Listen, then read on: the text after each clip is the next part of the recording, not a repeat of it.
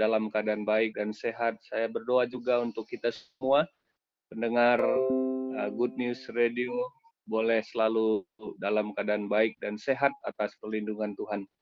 Senang sekali pada pagi ini kita bisa bertemu kembali dalam satu sesi uh, untuk orang-orang muda khususnya bahkan juga bagi Bapak Ibu yang mensupport dan mendukung pelayanan orang muda dan jiwa-jiwa muda atau orang-orang tua yang tentu masih memiliki jiwa uh, muda. Senang sekali pada uh, minggu ini kita bisa bersama-sama kembali untuk sharing uh, satu dengan yang lain dan saya akan membagikan materi-materi, tips-tips bagi kita khususnya orang-orang muda, sahabat-sahabat orang muda bagaimana kita menjadi murid-murid Kristus yang dipakai oleh Tuhan di dalam hidup kita dan di saat yang sama kita juga melakukan uh, aktivitas kehidupan, cita-cita dan juga bahkan karir-karir kita. Dan tema kita pada uh, seminar atau sesi sharing ini uh, pemuritan untuk orang muda dan pada pertemuan kita yang lalu kita telah membahas bahwa uh, rumah atau keluarga adalah uh, tempat yang paling utama dan terutama untuk kita melatih, uh, mengajar, memuridkan orang-orang muda kita menjadi murid-murid Kristus. Jadi tidak ada tempat yang lain daripada keluarga atau Eh, rumah tangga di mana menjadi tempat yang paling utama dan terutama kita melatih, eh, mendidik, mengarahkan, membimbing anak-anak kita, orang-orang muda kita untuk menjadi orang-orang yang mengasihi Tuhan dan mengasihi sesama. Itulah pembahasan kita di minggu yang lalu dan kita telah menyadari dan mendapati bahwa Eh, keluarga, rumah tangga, sekolah yang pertama, gereja yang pertama, uh, tempat yang pertama untuk anak-anak kita belajar, orang tua adalah guru yang pertama bagi anak-anak kita, dan di situlah kita menanamkan nilai-nilai moral, nilai-nilai etika, dan nilai-nilai uh, kehidupan yang berharga bagi anak-anak kita. Dan pada kesempatan pagi ini kita kembali lanjutkan pembahasan kita dan kita akan melihat bahwa selain rumah, selain uh, keluarga, selain rumah tangga, ada juga tempat yang lain yang harus kita gunakan sebagai sarana pemuritan dan pelatihan rohani bagi anak-anak kita. Apakah itu atau di manakah itu? Sebentar kita akan dengar. Namun sebelumnya, saya undang kita semua pendengar Good News uh, Radio di mana pun berada kita terlebih dahulu berdoa kita memohon uh, bimbingan kuasa Tuhan mengurapi kita mengarahkan kita agar dalam pertemuan kita ini kita sama-sama mendapatkan berkat daripada Tuhan. Mari kita berdoa. Kami mengucap syukur ya Tuhan oleh karena berkat yang Tuhan berikan bagi kami perlindungan yang Tuhan berikan, di mana Tuhan masih tetap menjaga dan memelihara kami, di mana Tuhan masih tetap memberkati kami dengan berkat kesehatan, sekalipun kami sedang menghadapi satu situasi yang tidak kami harapkan, oleh karena sedang mewabah virus secara global, bahkan khususnya di tempat kami. Namun kami percaya perlindungan Tuhan masih tetap menjadi bagi kami. Di mana pun kami berada, pendengar Good News Radio, dalam kehidupan mereka masing-masing, Tuhan jaga, Tuhan lindungi, dan kami semuanya, keluarga kami di mana pun berada. Pada waktu yang indah ini, saat kami akan mengikuti sesi pemuritan orang muda ini, kami mohon Tuhan mengurapi kami, memberikan kami hikmat akal budi, agar kami dapat mengerti apa nasihat, petunjuk yang berdasarkan firman Tuhan yang kami boleh dengar, terlebih kami praktekkan dalam hidup kami. Inilah doa kami Tuhan, sertai kami dalam sesi yang berharga ini. Dalam nama Tuhan Yesus kami berdoa. Amin. Baiklah pendengar Good News uh, radio streaming yang berbahagia di mana pun kita berada. Mari kita lanjutkan pembahasan kita pada hari ini. Uh, kita akan belajar dan kita akan mendengarkan satu bahagian bahwa selain rumah, selain keluarga, atau selain rumah tangga, di mana anak-anak kita haruslah mendapatkan pelatihan, pendidikan, pemuritan rohani yang baik. Maka ada tempat yang lain yang harus kita gunakan, yang harus kita manfaatkan untuk melatih mereka mengenal akan Tuhan, mengasihi Tuhan, dan tentunya mengasihi sesama mereka manusia. Di manakah tempat itu atau apakah itu? Saya boleh menyebutkan bahwa uh, gereja atau komunitas uh, umat Tuhan adalah tempat di mana kita juga dapat memuridkan orang-orang muda kita. Istilah yang lain boleh uh, sering disebutkan adalah home church atau local church. Ini berbicara tentang jemaat atau gereja secara komunitas. Memang kalau kita berbicara tentang gereja, uh, gereja yang sebenarnya adalah kita semua, masing-masing pribadi yang sudah dipanggil menjadi orang percaya, uh, itulah gereja. Tetapi saya berbicara ini dalam konteks komunitas gereja atau persekutuan gereja, home church, local church, jemaat ini bahasa umum yang kita sering dengar uh, adalah tempat di mana uh, kita dapat menggunakan gereja secara jemaat sebagai institusi membentuk karakter umat-umat Tuhan, khususnya orang-orang muda dan anak-anak kita. Tetapi ini tentu tidak menggantikan uh, fungsi rumah tangga dan keluarga. Tetapi ini saling melengkapi dan menyempurnakan pemuritan ini. Nah, pertanyaannya, apakah kita sudah menggunakan dengan baik komunitas gereja atau persekutuan jemaat sebagai satu institusi yang dapat memberikan kontribusi yang besar di dalam pembentukan karakter eh, anak-anak uh, kita. Sangat disayangkan dari satu data dan survei yang didapatkan bahwa di beberapa negara khususnya di negara-negara maju orang-orang muda sudah tidak lagi memiliki minat untuk pergi dan datang ke persekutuan gereja. Padahal sebenarnya gereja adalah sarana di mana kita dapat menggunakan uh, fungsi gereja dalam setiap dimensi pelayanan yang ada menjadi sarana pelatihan pemuritan rohani bagi anak-anak muda. Kalau mereka sudah tidak uh, berada di gereja atau meninggalkan gereja, maka tentu fungsi gereja ini sudah tidak lagi dapat membentuk mereka dari sisi karakter rohani.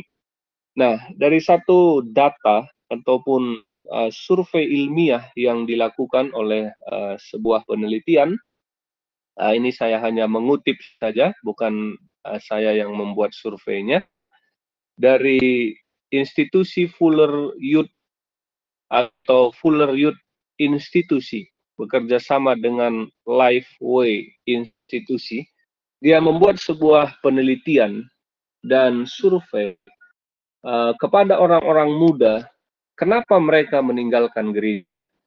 Jadi uh, satu orang responden mereka dapat menjawab beberapa uh, poin atau beberapa alasan mengapa mereka meninggalkan gereja. Artinya uh, mereka tidak hanya bisa memilih satu saja dari pertanyaan-pertanyaan. Mereka bisa memilih beberapa jawaban dari uh, pertanyaan itu.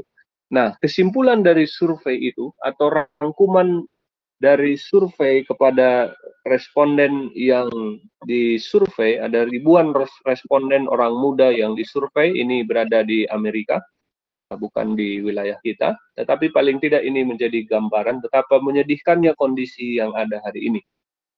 Uh, rangkuman dari lima alasan utama uh, kenapa orang-orang muda meninggalkan gereja? Jadi tadi responden bisa menjawab lebih daripada satu alasan.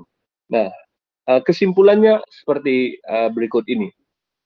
Yang pertama dikatakan orang muda meninggalkan gereja oleh karena uh, dia memasuki masa kuliah dan akhirnya tidak lagi pergi ke gereja. Dan ini sebesar 34 persen.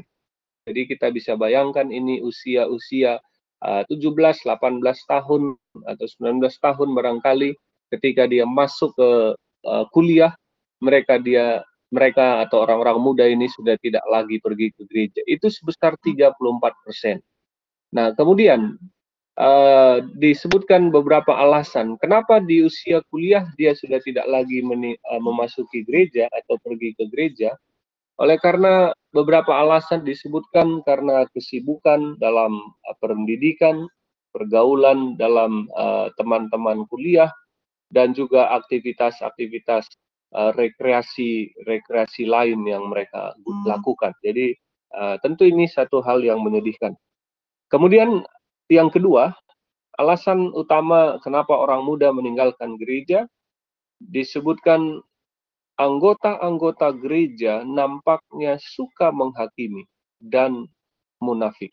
Ini 32 persen. Nah, ini sebuah data survei ya yang dilakukan secara ilmiah dan mengikuti kaidah-kaidah survei secara uh, akademis tentunya. Jadi mereka katakan orang-orang muda ini sebutkan mereka melihat orang-orang di gereja itu suka menghakimi dan cenderung hidup uh, munafik. Nah, munafik ini kita bisa artikan bahwa uh, orang-orang mengatakan sesuatu tetapi tidak melakukan apa yang dikatakannya. Nah, ini alasan orang muda dikatakan dia juga meninggalkan gereja. Uh, tadi yang pertama 34% oleh karena masuk ke kuliah, kemudian sibuk berkuliah, sibuk dalam pergaulan-pergaulan mereka, rekreasi dan yang lain sebagainya. Yang kedua 32% oleh karena mereka melihat kehidupan yang ada di gereja itu suka menghakimi munafik uh, yang tidak menyenangkan mereka. Kemudian yang ketiga, eh, orang-orang uh, muda tidak lagi pergi ke gereja oleh karena mereka merasa tidak menjadi bagian dari gereja. Jadi ini 29 persen. Nah orang muda merasa dia tidak merasa menjadi bagian yang dilibatkan atau yang yang terlibat di dalam gereja itu. Jadi dia merasa asing dengan gerejanya atau dengan komunitas persekutuan jemaatnya. Jadi dia merasa asing, tidak nyaman itu 29 persen. Jadi dia merasa tidak merupakan bagian dari gereja itu. Nah, kemudian uh, yang keempat, orang-orang muda ini tidak lagi pergi ke gereja oleh karena tidak setuju dengan masalah-masalah politik dan sosial di dalam gereja. Itu 25 persen. Nah, tidak dijabarkan secara mendetail, tetapi beberapa poin yang ditekankan di sini bahwa uh, mereka melihat di dalam eh, anggota-anggota uh, gereja ada eh, hal-hal uh, yang bersifat politik di dalamnya dan hubungan sosial di antara mereka. Nah, lebih jauh dikatakan di sini ada perbedaan-perbedaan pandangan politik di dalam anggota gereja itu dan ini kemudian mempengaruhi hubungan sosial yang tidak uh, baik. Nah, lebih sederhana lagi orang-orang muda menyebutkan dalam poin ini 25% mengatakan ketidakharmonisan dalam hubungan satu dengan yang lain dalam gereja yang mereka lihat. Jadi mungkin gerejanya atau jemaatnya itu satu dengan yang lain tidak akur begitu. Satu dengan yang lain uh, tidak punya hubungan yang baik. Jadi hubungan sosial di gereja itu tidak harmonis. Terjadi satu disharmoni atau hubungan yang tidak baik satu dengan yang lain walaupun dia hidup sebagai satu jemaat atau satu komunitas gereja. Nah itu yang orang-orang muda katakan, kita nggak bisa sangkal karena ini adalah sebuah penelitian. Kemudian yang kelima, alasan yang kelima yang utama dari orang-orang muda ini, uh, mereka menyebutkan oleh karena pekerjaan mereka menghalangi mereka untuk datang ke gereja. Itu ada 24 persen. Jadi yang pertama tadi 34 persen waktu mereka kuliah mereka sibuk dengan pendidikannya, bahkan pertemanannya, pergaulan dan kesibukan rekreasi yang lain. Kemudian alasan yang kedua 32 persen karena dia melihat gereja itu suka menghakimi dan munafik. Kemudian yang ketiga karena mereka merasa tidak menjadi bagian gereja, merasa asing dengan gereja itu 29 persen. Kemudian mereka tidak setuju ataupun mereka melihat disharmoni atau hubungan yang tidak baik di dalam gereja itu 25 persen karena pandangan politik yang berbeda ataupun hal-hal yang lain dan yang kelima oleh karena mereka uh, bekerja dan meninggalkan gereja. Jadi uh, sangat uh, menyedihkan tentunya alasan-alasan kenapa orang-orang muda ini meninggalkan gereja dan dari orang-orang muda yang meninggalkan gereja ini didapati jumlah mereka sebesar 66 persen. Jadi uh, sangat menyedihkan. 66% orang muda di Amerika ini yang di uh, tempat di mana mereka melakukan survei ini, mereka sudah meninggalkan gereja. 66%. Alasan mereka yang utama, yang lima yang tadi saya sudah utarakan. Nah, di uh, wilayah kita atau di teritori kita, kalau organisasi gereja Advent hari ketujuh, kita berada di uh, teritori divisi Asia Pasifik Selatan, termasuk di dalamnya Indonesia. Sebenarnya data yang uh, dirilis berapa persen orang-orang muda kita meninggalkan gereja sebenarnya juga tidak jauh dari uh, hasil yang mereka sebutkan tadi. Kalau di Amerika tadi disebutkan lebih kurang 60 persen, ya kita sebenarnya tidak jauh beda. Kita juga mengalami uh, kehilangan orang-orang muda lebih kurang sebesar 40 sampai 50 persen. Jadi uh, hampir sama. Jadi kita uh, menghadapi satu tantangan yang berat. Bagaimana kita menjaga orang-orang muda kita ini mereka tidak meninggalkan uh, gereja. Nah, itu sebabnya uh, komunitas gereja ataupun komunitas jemaat secara uh, persekutuan haruslah menjadi benteng juga menjaga anak-anak kita ini supaya mereka tidak meninggalkan gereja. Jadi home church atau local church, jemaat secara persekutuan atau gereja dalam persekutuan jemaat harus juga menjadi benteng untuk menjaga, membentengi orang-orang muda kita tidak meninggalkan uh, gereja. Rumah, keluarga, orang tua, juga adalah uh, bagian yang paling utama, tetapi jangan lupa kita sebagai uh, pelayan di dalam gereja ataupun umat-umat Tuhan secara komunitas jemaat juga harus menjadi benteng bagi mereka supaya mereka tidak meninggalkan gereja. Nah, uh, seorang bernama Sisi Moore, GT Sisi dia mengatakan demikian anak-anak adalah harapan dari har, harapan hari sesudah esok ataupun lusa. Pemuda adalah harapan hari esok. Tetapi orang-orang dewasa hanyalah harapan hari ini. Nah, menarik uh, statement beliau ini. Anak-anak itu adalah harapan hari sesudah esok, artinya lusa. Artinya hari sesudah besok itu lusa. Jadi anak-anak ini adalah harapan hari lusa.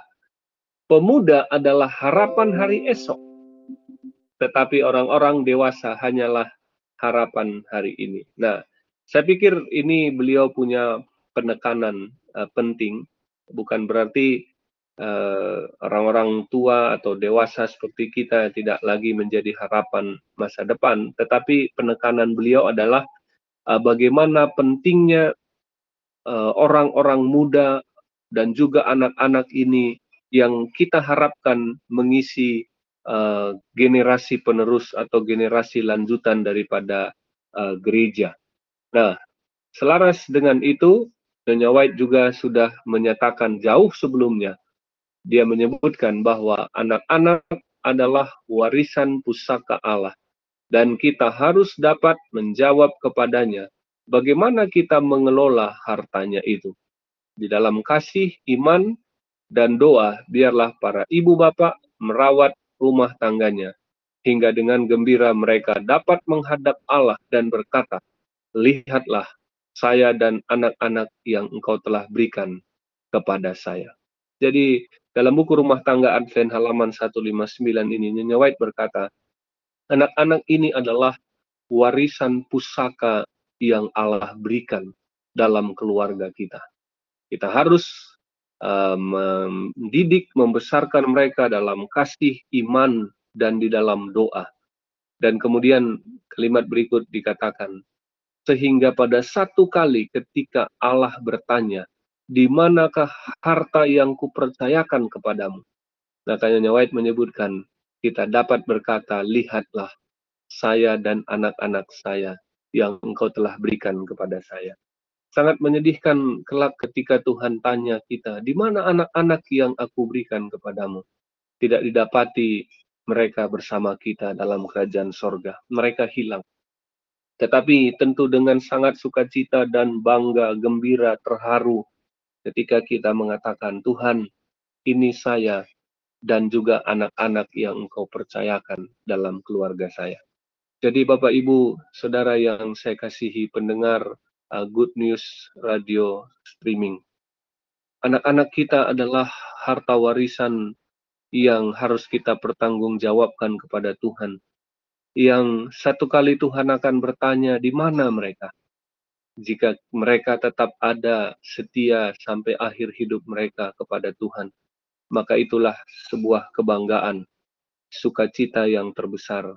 Sebagaimana yang dalam 3 Yohanes 1 ayat 4 katakan, tidak ada sukacita yang lebih besar bagiku selain melihat anak-anakku hidup di dalam kebenaran. Nah, sekarang mari kita melihat bagaimana gereja secara jemaat atau persekutuan uh, jemaat itu dapat membuat ataupun menjadi uh, benteng untuk juga memelihara anak-anak kita.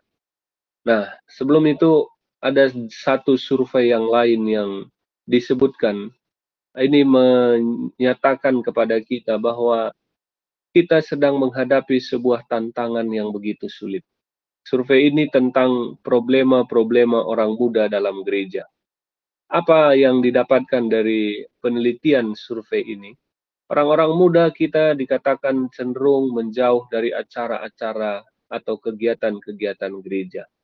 Orang-orang muda menolak untuk mengambil bagian di dalam pelayanan gereja. Tentu ini tidak semua juga ya.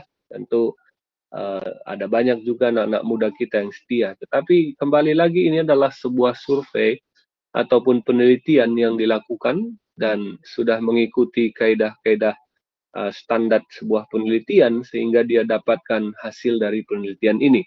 Jadi kita menghadapi kondisi di mana sebagian anak-anak kita uh, menjauhi gereja, menolak acara atau menolak terlibat dalam kegiatan gereja dan menolak untuk mengambil bagian. Bagian berta tidak bertanggung jawab atas tugas-tugas yang diberikan dari gereja.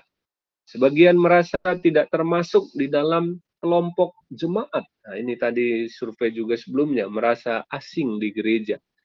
Kemudian survei yang lain, anak-anak kita, orang-orang muda kita memiliki teman-teman yang kurang baik ataupun cenderung ke duniawian. Kemudian memiliki hobi membaca Uh, buku-buku yang kurang membangun iman ataupun sekarang dengan media-media digital yang begitu canggih tetapi uh, melihat mendengar hal-hal yang tidak membangun iman. Kemudian juga kurang berdisiplin dan kurang menaruh hormat terhadap kebaktian. Jadi kita coba perhatikan anak-anak muda kita, apakah mereka anak-anak muda yang berdisiplin, yang uh, datang tepat waktu ke gereja, kemudian menaruh sikap hormat kepada uh, Tuhan di dalam gereja atau di dalam kebaktian. Nah, ini kita bisa jawab masing-masing apakah kita menghadapi uh, tantangan yang sama sebagaimana yang uh, survei ini uh, sebutkan. Dan juga dikatakan orang-orang uh, muda kita mengalami berbagai problema-problema keduniawian, uh, ada juga kecanduan, obat-obatan, sebagian tentunya ada juga pergumulan-pergumulan keduniawian yang lain, dan juga uh, bergabung dengan komunitas-komunitas yang uh, tidak terlalu uh, baik. Nah, itu sebabnya uh, salah satu cara kita yang terbaik untuk uh, memelihara orang-orang muda kita dengan menggunakan fungsi dalam aktivitas berjemaat adalah dengan menyediakan sarana pelayanan di jemaat untuk melihara, melatih, dan melibatkan orang-orang muda kita. Nah, saya mau uh, memberikan beberapa tips. Bagaimana uh, gereja secara jemaat dapat menyediakan kegiatan-kegiatan yang dapat menjaga, melatih, memelihara, dan melibatkan orang-orang muda kita. Nah, saya mau sebutkan Bapak Ibu Saudara yang dikasih Tuhan pendengar uh, Good News Radio streaming ini di mana pun kita berada mau katakan bahwa mari kita menggunakan setiap jenis atau setiap kegiatan-kegiatan uh, gereja, khususnya dalam kegiatan-kegiatan kepemudaan, menjadi sarana untuk menjaga dan memelihara orang muda kita. Karena tadi saya menyebutkan kita menghadapi uh, tantangan yang begitu berat kita kehilangan banyak orang muda, orang meninggalkan gereja oleh karena berbagai alasan. Padahal gereja adalah salah satu tempat di mana kita harus uh, melatih dan memelihara mereka di dalam iman mereka kepada Tuhan.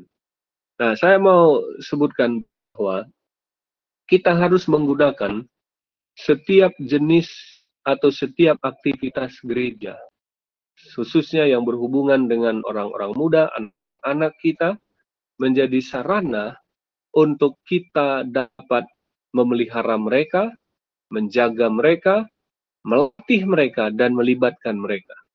Nah, eh, dalam kegiatan-kegiatan kepemudaan gereja, ini saya berbicara dalam konteks pelayanan gereja atau jemaat secara normal ya.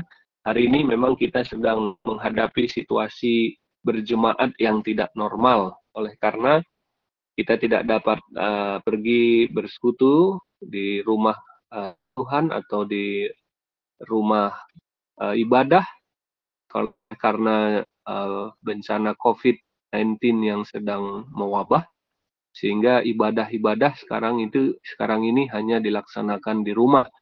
Tapi ini saya berbicara dalam konteks uh, ketika suasana normal dan kita dapat melaksanakan persekutuan uh, di rumah ibadah ataupun di tempat-tempat pertemuan.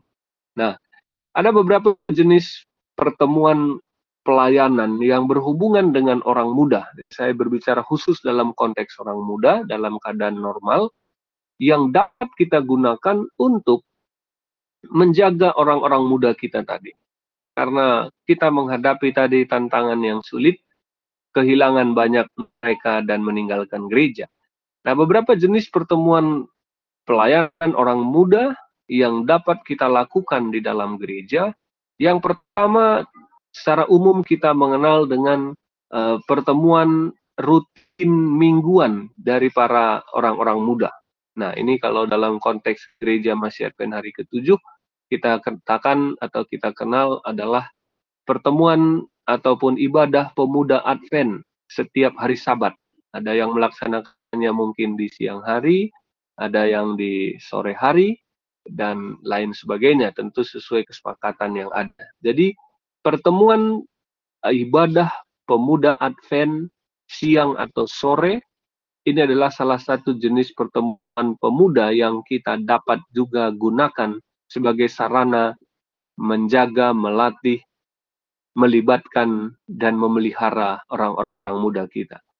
Jadi menjaga, melatih, melibatkan, uh, memelihara, bahkan juga memenangkan orang-orang muda kita. Jadi pertemuan pemuda Advent mingguan atau sabat siang atau sabat sore. Nah, kemudian gereja juga dapat mengorganisir pertemuan pemuda dalam kelompok kecil ataupun dalam small group, kelompok kecil. Dalam uh, konteks gereja masih Advent hari ke-7 sekarang kita mengenal dengan care group atau kelompok peduli. Nah, bagaimana kita dapat mengorganisir atau bagaimana gereja secara ofisial, secara resmi dapat mensupport, mendukung untuk orang-orang muda membuat sebuah kelompok kecil belajar Alkitab ataupun persekutuan rohani bagi orang muda. Jadi ini biasanya dilakukan tentu bukan di hari-hari ibadah rutin. Nah, boleh diambil hari-hari tertentu uh, di mana mereka dapat bertemu satu kali satu minggu dalam satu jam atau satu setengah jam. Orang-orang muda, mereka membangun persekutuan, fellowship, membangun uh, aktivitas rohani, bersaksi, belajar firman Tuhan, berdoa. Ini yang kita sebut dengan kelompok kecil orang muda, care group orang muda. Jadi tidak dicampur. Uh, boleh juga orang-orang tua juga hadir, yang punya jiwa muda dan yang mensupport uh, pelayanan orang muda. Tetapi kita uh, bukan berbicara di sini secara gereja secara keseluruhan. Tetapi ini adalah kelompok-kelompok kecil di mana orang-orang muda dapat membangun uh, relasi secara fellowship sesama orang muda dan juga belajar untuk uh, melayani, bersaksi, berdoa, firman Tuhan mereka pelajari dan lain sebagainya. Nah, itu adalah jenis pertemuan yang kedua. Jenis pertemuan yang pertama tadi adalah sabat ataupun uh, pertemuan PA mingguan, sabat siang atau sabat sore. Yang kedua adalah pertemuan kelompok kecil orang muda. Nah, ini ini satu bagian yang nanti kita akan ambil waktu penekanan secara khusus dan uh, kami dalam pelayanan kepemudaan gereja Advent juga membantu menyediakan materi-materi kelompok kecil orang muda yang mereka dapat gunakan di dalam pertemuan orang muda. Jadi uh, tema apa yang mereka bahas, kemudian diskusikan, pelajari bersama dan lain sebagainya di dalam kelompok kecil orang muda ini. Nah, kemudian kita juga dapat mengorganisir uh, pelayanan kepemudaan uh, dalam pelayanan jangkauan keluar. Nah, saya pikir ini juga penting. Bagaimana gereja dapat mensupport, mengorganisir, mewadahi orang-orang muda ini untuk melakukan pelayanan jangkauan keluar. Jadi tidak hanya ada pelayanan di dalam gereja atau ke dalam saja, ke dalam jemaat. Gereja dalam hal ini sekali lagi adalah uh, konteks persekutuan jemaat. Uh, tetapi juga orang-orang muda dapat mengorganisir kegiatan untuk jangkauan keluar, pelayanan keluar. Nah, ini saya pikir juga akan uh, menghasilkan manfaat yang besar. Bagaimana orang-orang muda ini dilatih untuk melayani orang lain, bagaimana orang-orang muda ini uh, dilatih juga memiliki kepekaan sosial kepada orang lain, melayani sesamanya, dan juga melatih dirinya untuk uh, terlibat di dalam pelayanan-pelayanan jangkauan keluar. Kemudian yang keempat adalah pertemuan pemuda yang sifatnya sosial ataupun rekreasi yang positif. Nah, Bapak Ibu, Saudara yang saya kasihi, dengar Good News Radio Streaming, uh, jangan lupa kita pun harus mewadahi orang-orang muda kita dengan pertemuan-pertemuan rekreasi yang positif, pertemuan-pertemuan sosial yang baik di antara orang muda kita. Alkitab menyebutkan jangan salah, jangan atau jangan sesat, pergaulan yang baik menghasilkan hal yang baik. Lebih tepatnya di 1 Korintus 15 ayat 33 katakan, pergaulan yang buruk merusak kebiasaan yang baik. Nah, ini mengandung dua arti. satu positif, satu negatif. Artinya ini yang negatif, pergaulan yang buruk akan merusak kebiasaan yang baik. Kalau sisi positifnya, pergaulan yang baik akan membangun kebiasaan yang baik. Nah, kenapa kita penting juga uh, membangun pertemuan sosial dan rekreasi yang baik di antara orang muda kita agar mereka menjalin pergaulan dengan komunitas yang baik. Karena kalau anak-anak muda kita membangun pergaulan kepada komunitas yang tidak baik, cepat atau lambat, mereka akan dipengaruhi dengan teman sepergaulan mereka. Nah, itu sebabnya mari kita juga menyediakan wadah pertemuan rekreasi, rekreasi yang positif, sosial yang positif bagi orang-orang muda kita. Kami uh, mewadahi orang-orang muda untuk kita berolahraga bersama, untuk berenang bersama, untuk bermalam minggu bersama. Nah, karena kalau kita tidak sediakan rekreasi-rekreasi yang positif bagi anak-anak kita, mereka akan mencari rekreasi yang lain yang kadangkala belum tentu positif dan membangun uh, karakter mereka. Karena manusia itu tidak bisa dipisahkan aspek-aspek yang ada dalam hidupnya. Tidak bisa melulu hanya rohani saja. Tidak bisa hanya uh, sifat yang fisik atau jasmani saja.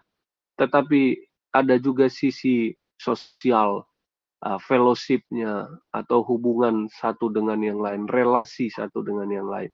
Bahkan saya punya pengalaman Bapak Ibu Saudara yang saya kasihi, saya melihat banyak orang-orang muda kita kemudian mereka bertemu pasangannya dengan orang muda yang lain di dalam gereja melalui pertemuan-pertemuan kepemudaan yang dilakukan. Saya tanya, kamu kenal dari mana uh, calon istrimu atau pada waktu dia belum menikah atau istrimu yang dia sudah nikahi? Dia katakan, saya ketemu di pertemuan uh, orang muda yang dilakukan di tempat ini beberapa tahun yang lalu dan sebagainya. Jadi kita senang juga ketika kita mewadahi uh, kegiatan-kegiatan untuk mempertemukan sesama orang muda walaupun itu mungkin dari sisi sosial dan rekreasi tentu ada juga aspek-aspek rohani yang yang kita dapatkan di sana. Mereka juga akhirnya ketemu teman uh, hidup mereka jodoh mereka dalam pertemuan orang muda itu dan mereka menikmati kehidupan yang bahagia dan tetap setia kepada Tuhan karena salah satu juga alasan kenapa orang muda kita meninggalkan gereja oleh karena pasangan mereka yang tidak seiman. Nah, ini pertemuan berikut atau kali berikut kita akan melihat bagaimana orang-orang muda kita kita harus uh, bantu juga untuk mereka menemukan teman hidup mereka supaya mereka tidak meninggalkan gereja karena pernikahan yang tidak seiman. Nah, kemudian yang terakhir uh, pertemuan pemuda yang lain yang kita dapat gunakan adalah pertemuan yang dalam konteks gereja Advent hari ketujuh ada yang disebut dengan pertemuan kepanduan. Ini ada kaitannya ataupun memang erat uh, hubungannya dengan aktivitas kepanduan pathfindering yang dalam bahasa umum kita lebih sering dengar ini seperti istilah kepanduan atau pramuka yang diorganisir oleh gereja Advent hari ketujuh. Nah, ini kita juga akan mengambil waktu khusus nanti di dalam menjabarkannya karena ini uh, punya penjelasan tersendiri sehubungan dengan kepanduan pathfindering. Nah, jadi saya mau review sedikit uh, jenis-jenis pertemuan kepemudaan apa yang kita dapat gunakan dalam melatih, mendidik, dan uh, memuridkan orang-orang muda kita yang kita dapat lakukan secara gereja, uh, jemaat, atau persekutuan gereja ataupun lokal church, church uh, ataupun home church, gereja lokal. Nah, yang pertama adalah tadi pertemuan pemuda rutin mingguan. Ini biasanya kita lakukan sabat siang atau sabat sore. Pertemuan kelompok kecil orang muda. Ini bisa dipilih hari-hari tertentu dalam eh, pertemuan-pertemuan uh, yang dijadwalkan satu kali dalam satu minggu atau satu kali dalam dua minggu kita juga bisa mengorganize atau mewadahi orang-orang muda dalam pertemuan jawan keluar, pelayanan keluar bersama-sama. Kemudian yang keempat, pertemuan orang muda uh, secara rekreasi ataupun sosial. Tadi saya katakan ini juga bagian yang penting. Karena kalau kita tidak menyediakan rekreasi yang positif, akan uh, banyak tantangan kepada orang muda kita. Mereka akan mencari rekreasi yang belum tentu positif. Kalau rekreasi tidak positif memang namanya amusement, kepelisiran. Jadi kita harus menyediakan rekreasi sehingga menjauhkan anak-anak muda kita dari amusement atau kepelisiran ataupun uh, ya hiburan-hiburan yang tidak membangun iman. Dan yang kelima adalah pertemuan pemuda yang hubungannya dengan kepanduan. Nah, Bapak Ibu Saudara yang saya kasihi di dalam nama Tuhan Yesus, sahabat orang muda khususnya, dan penggiat-penggiat pelayanan orang muda di mana pun Anda berada. Gereja secara jemaat atau persekutuan uh, jemaat gereja memiliki satu tanggung jawab yang besar, menyediakan dan mewadahi orang-orang muda kita agar mereka dapat terpelihara imannya dan tetap setia di dalam Tuhan dan ada terus di dalam gereja, tidak meninggalkan gereja. Nah, berikut ini ada beberapa tips yang saya mau uh, sampaikan. Di dalam kita melaksanakan uh, aktivitas-aktivitas pertemuan yang tadi saya sudah jabarkan lima paling kurang, pertemuan kepemudaan yang dapat kita laksanakan di gereja secara jemaat, maka ada beberapa tips yang saya mau sampaikan. Bagaimana resep uh, sukses di dalam kegiatan-kegiatan kepemudaan atau pertemuan-pertemuan kepemudaan yang tadi ada lima hal yang tadi saya sebutkan. Nah, beberapa tips itu yang pertama adalah setiap kegiatan harus memiliki sebuah maksud dan tujuan yang jelas. Nah, ini bagi, bagian yang penting. Nah, para penggiat kegiatan orang muda, Bapak Ibu, sahabat orang muda, ah, kegiatan apa yang Anda lakukan di gereja, di jemaat, dan harus ada maksud dan tujuannya. Contohnya, kita melaksanakan kegiatan uh, kelompok kecil orang muda. Nah, sudah pasti ada maksud tujuan yang kita mau capai dalam kelompok kecil, yang pertama kita beribadah, kita belajar firman Tuhan, belajar bersaksi, berdoa bersama, dan juga membangun uh, uh, komunitas, fellowship, relasi di antara orang muda. Nah, kemudian ada pertemuan rekreasi. Ya, kita men mencapai tujuan yang kita bisa buat masing-masing. Jadi, uh, poinnya adalah jangan sampai ada kegiatan yang tidak punya tujuan. Itu biasanya nggak jelas. Jadi harus ada tujuan yang mau kita capai, ada maksud yang kita mau dapatkan, ada manfaat yang akan kita capai. Jadi kalau nggak ada maksud tujuan manfaatnya, ya berarti kegiatannya pun akan cenderung tidak jelas dan tidak bermanfaat sudah pasti. Tips yang kedua, setiap kegiatan apa pun itu, apakah dari aspek rohani, aspek uh, jasmani atau rekreasi, sosial dan yang lain, pelayanan apa pun itu, kegiatan apa pun haruslah direncanakan dengan baik. Jadi direncanakan dengan baik, dipersiapkan dengan baik, direncanakan dengan uh, melibatkan semua untuk uh, dapat menolong semua sehingga kegiatan itu dapat berjalan. Karena ini juga akan menentukan keberhasilan kegiatan berikut. Maksudnya apa? Kalau kegiatan ini tidak berjalan dengan baik, maka kegiatan berikut kecenderung orang-orang akan malas untuk terlibat dan ikut. Karena dia akan bilang, ah kemarin saja nggak nggak berhasil ya, kemarin saja nggak menarik, kemarin saja sepertinya nggak terlalu bermanfaat. Maka kegiatan yang berikut tidak lagi memiliki minat yang besar dari orang-orang uh, untuk mengikutinya. Jadi setiap kegiatan rencanakan itu dengan baik. Apakah itu pertemuan pemuda Advent sabat sore, sabat siang, apakah itu pertemuan jangkauan keluar, apakah itu pertemuan kelompok kecil, apakah itu pertemuan rekreasi, olahraga bersama, bermain bersama, bergames, ber, uh, bermain games bersama, atau pertemuan pathfindering, kepanduan, kegiatan apa pun itu, rencanakan dengan baik. Tips yang ketiga, setiap kegiatan yang dilaksanakan, promosikan dengan baik.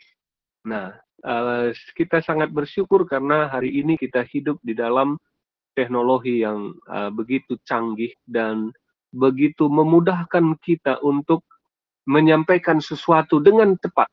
Nah, kadangkala jauh lebih cepat daripada kita berjalan atau pergi ke satu tempat.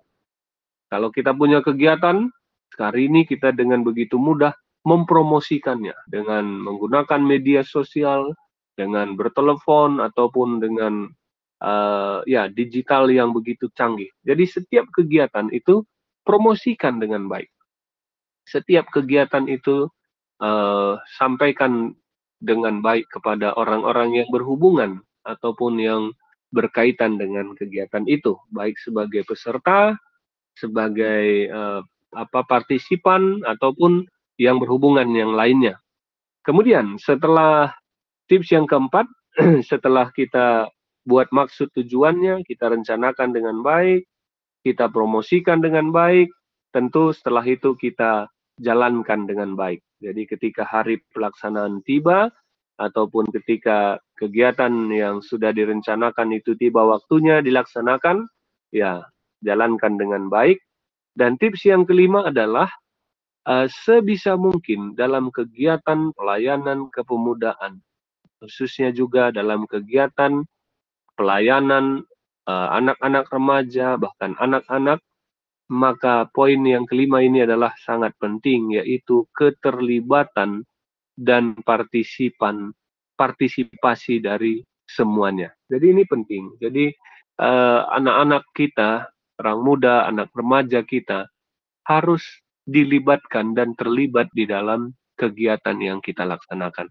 Artinya jangan pasif karena uh, anak muda yang energik, yang punya uh, potensi yang besar, anak-anak yang sangat aktif dan lain sebagainya. Kalau dia nggak terlibat, maka cenderung itu tidak akan dapat dia merasakan fungsinya.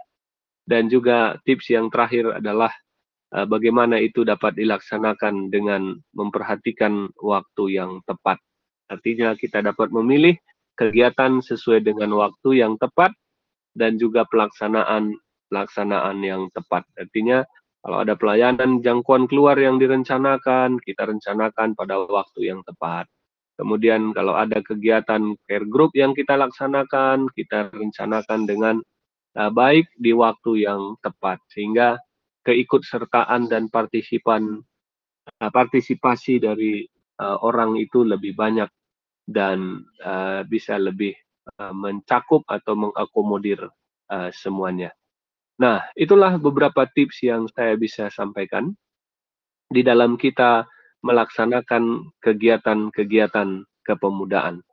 Karena banyak tadi yang kita dapat lakukan secara gereja, secara jemaat, dan ini adalah sebuah aktivitas yang gereja harus lakukan dalam mereka uh, memelihara dan menjaga uh, orang-orang muda kita supaya pengalaman-pengalaman yang terjadi di survei-survei yang tadi saya sebutkan itu boleh kiranya terhindar dari anak-anak kita melainkan anak-anak kita mereka semuanya boleh tetap setia di dalam gereja. Nah, sebagai bagian akhir dari uh, sesi ini, karena waktu kita juga sangat terbatas, uh, ada satu cerita yang saya mau sampaikan, dan saya pikir cerita ini menarik juga bagaimana uh, fungsi gereja itu dapat menjaga anak-anak kita ini supaya mereka tidak meninggalkan gereja, tetapi mereka menjadi orang-orang muda yang aktif dan tetap setia kepada Tuhan.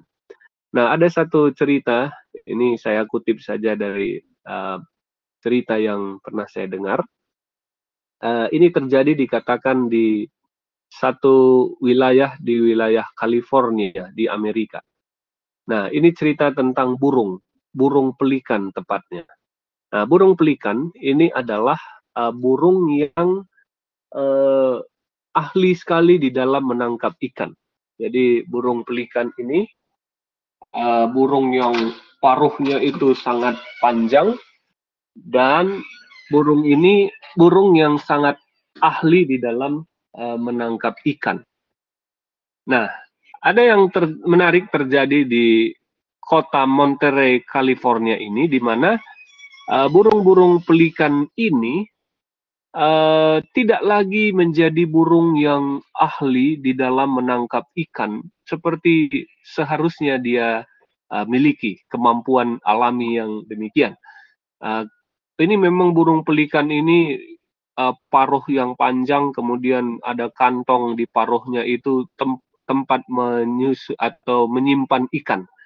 Jadi biasanya dulu menurut cerita konon kabarnya orang-orang uh, Jepang, para nelayan zaman itu uh, melatih burung pelikan ini menangkap ikan kemudian ditaruhlah cincin di lehernya supaya dia nggak bisa telan. Jadi waktu dia sudah tangkap ikan di laut, nyangkut di lehernya karena ditaruh cincin, sehingga kemudian tuan dari burung pelikan ini kemudian membuka mulut dia dan mengambil ikan yang sudah berhasil ditangkap. Nah, begitulah keahliannya. Nah, tetapi ini berbeda yang terjadi di di kota Monterey di California ini. Kenapa? Karena Eh, burung-burung pelikan di sana uh, tidak lagi memiliki keahlian dalam menangkap ikan, oleh karena uh, burung ini uh, dapat dengan mudah menangkap ikan dari ikan-ikan yang dibuang di pabrik-pabrik yang ada di pinggir kota itu. Nah, ternyata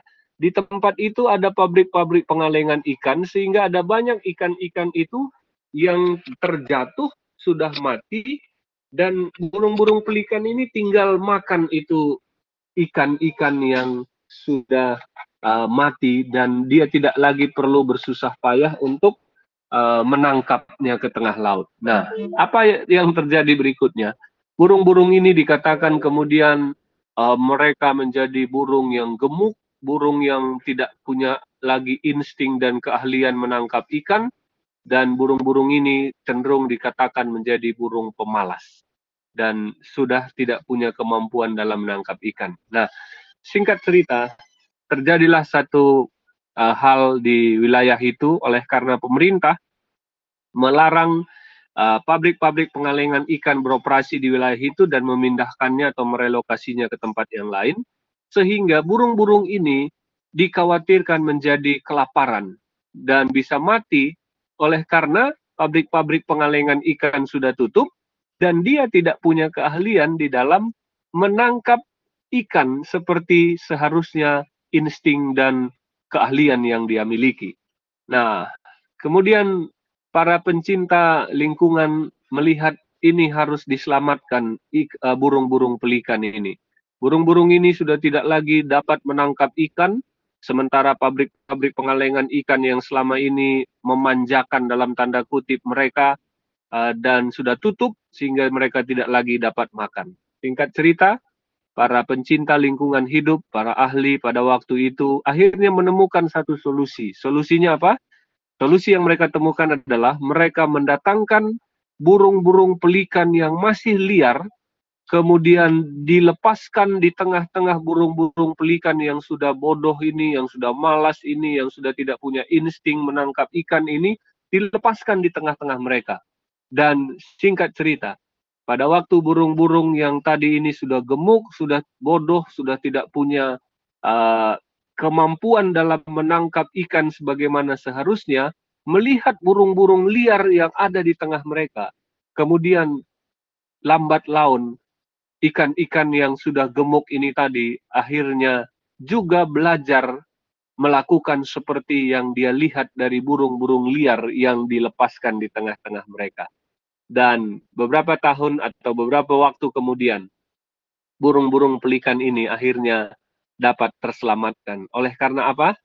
oleh karena dia uh, bergaul di tengah-tengah burung pelikan burung pelikan yang masih liar dan kemudian itu mempengaruhi uh, karakter dan perilakunya karakter binatang tentunya ya burung dan perilakunya sehingga alami kembali dan kemudian dia dapat kembali uh, memiliki insting yang semula.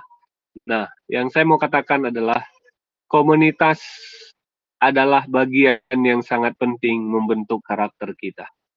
Jika komunitas gereja, jemaat melakukan fungsinya dengan benar, maka ini akan juga dapat membentuk orang-orang muda kita menjadi orang-orang muda yang setia, yang takut akan Tuhan, yang tetap bertahan dalam imannya apa pun yang terjadi.